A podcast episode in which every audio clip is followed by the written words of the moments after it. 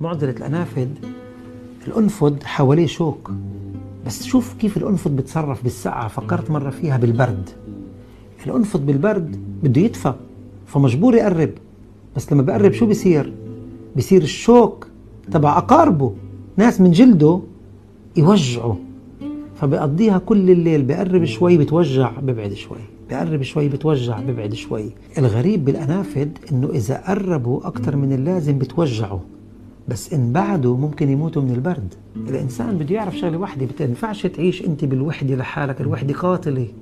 فأنت حلو تقرب وتبعد بس لما تبعد ما تبعدش كثير ممكن تموت.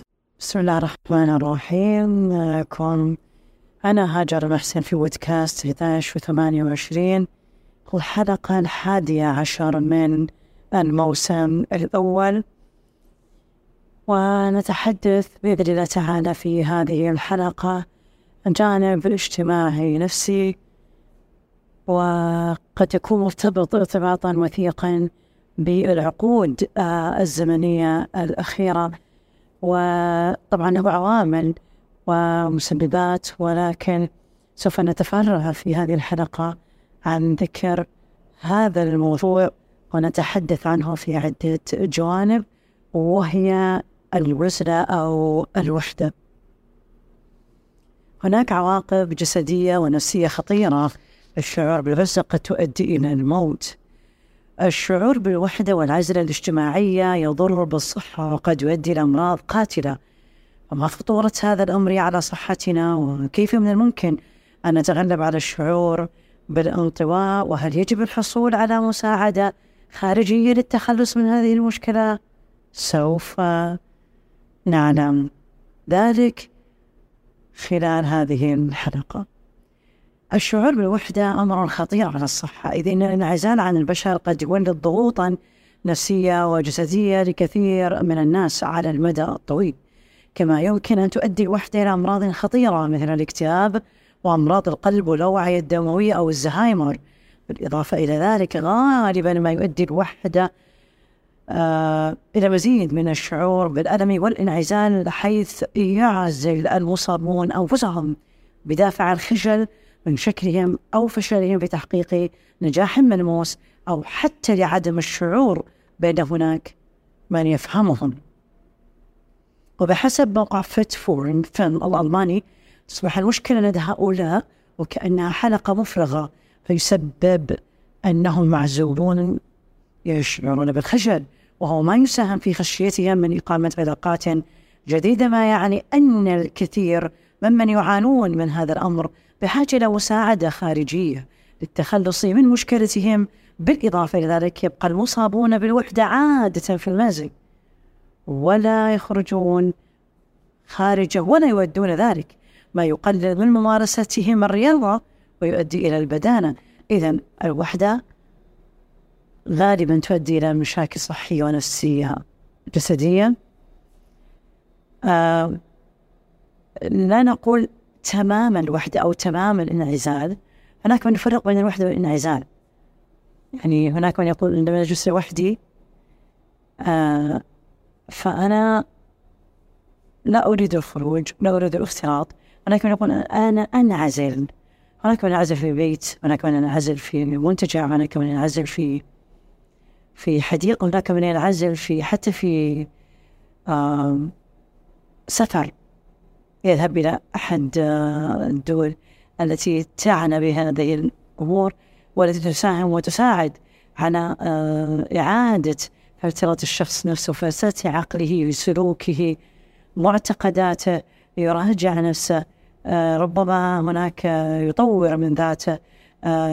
كثير ممكن ربما كتبوا كتابا ألفوا كثير من الروايات القصص الكتب استخرجوا كثير من المعلومات المعارف اكتشفوا ربما بنوا لنا كثيرا من الاكتشافات الأدوية المستخلصات الطبية المستحضرات إلى آخره. ربما عندما ينعزل الإنسان مع نفسه ويدرس مكونات عقله ومكونات بيئته وعالمه حتى يخرج بمحصلة مفيدة للبشرية على المستوى العام إذا ما هي العواقب الجسدية المتحملة للوحدة؟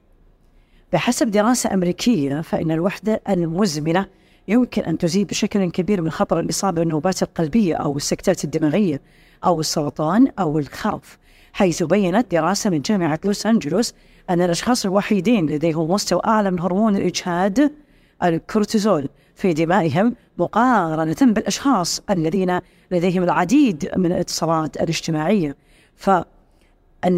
فالعلاقات الاجتماعية آه التاريخ الاجتماعي للفرد مهم. لا نقول أن يكون اجتماعيا آه بمستوى عال ولكن لابد أن يكون له ارتباط مع مجتمعه فإن انفصاله التام عنه يؤدي إلى العديد من الأمراض الجسدية والنفسية كما أسلفنا.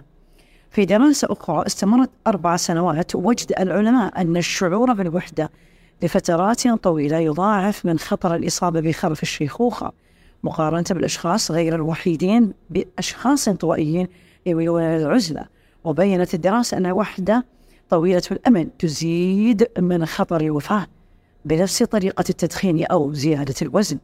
يمكن أن تؤدي الوحدة طويلة الأمد أيضا إلى مشاكل جسدية ولكن الذين يعانون من الوحدة غالبا ما يعيشون بشكل غير صحي.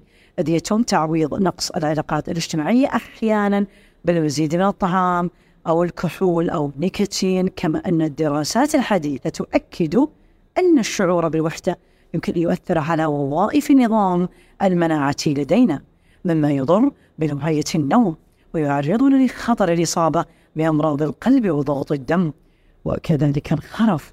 لذلك فإن إدراك التأثير الذي يمكن أن تسببه الوحدة هو الخطوة الأولى للتصدي له. إذا فهي النصائح.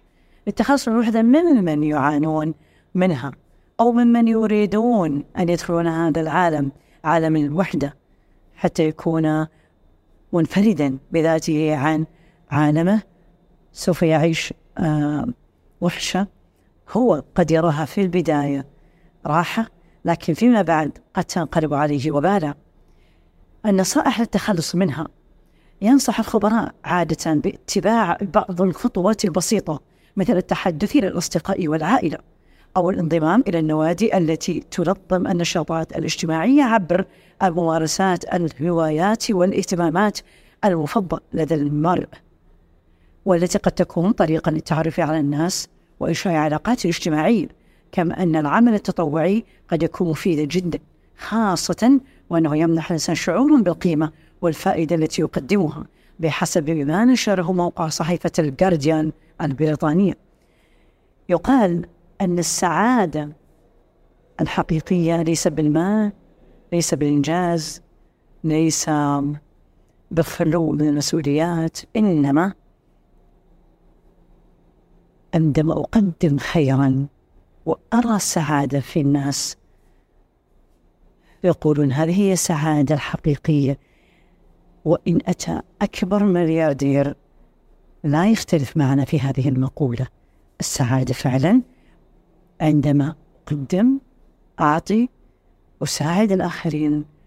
أرى السعادة ونتائجها. فيهم هنا تكون السعادة الحقيقية. لأنها شعار بقيمتي لذاتي. فائدة وخدمة لمجتمعي رضا لربي.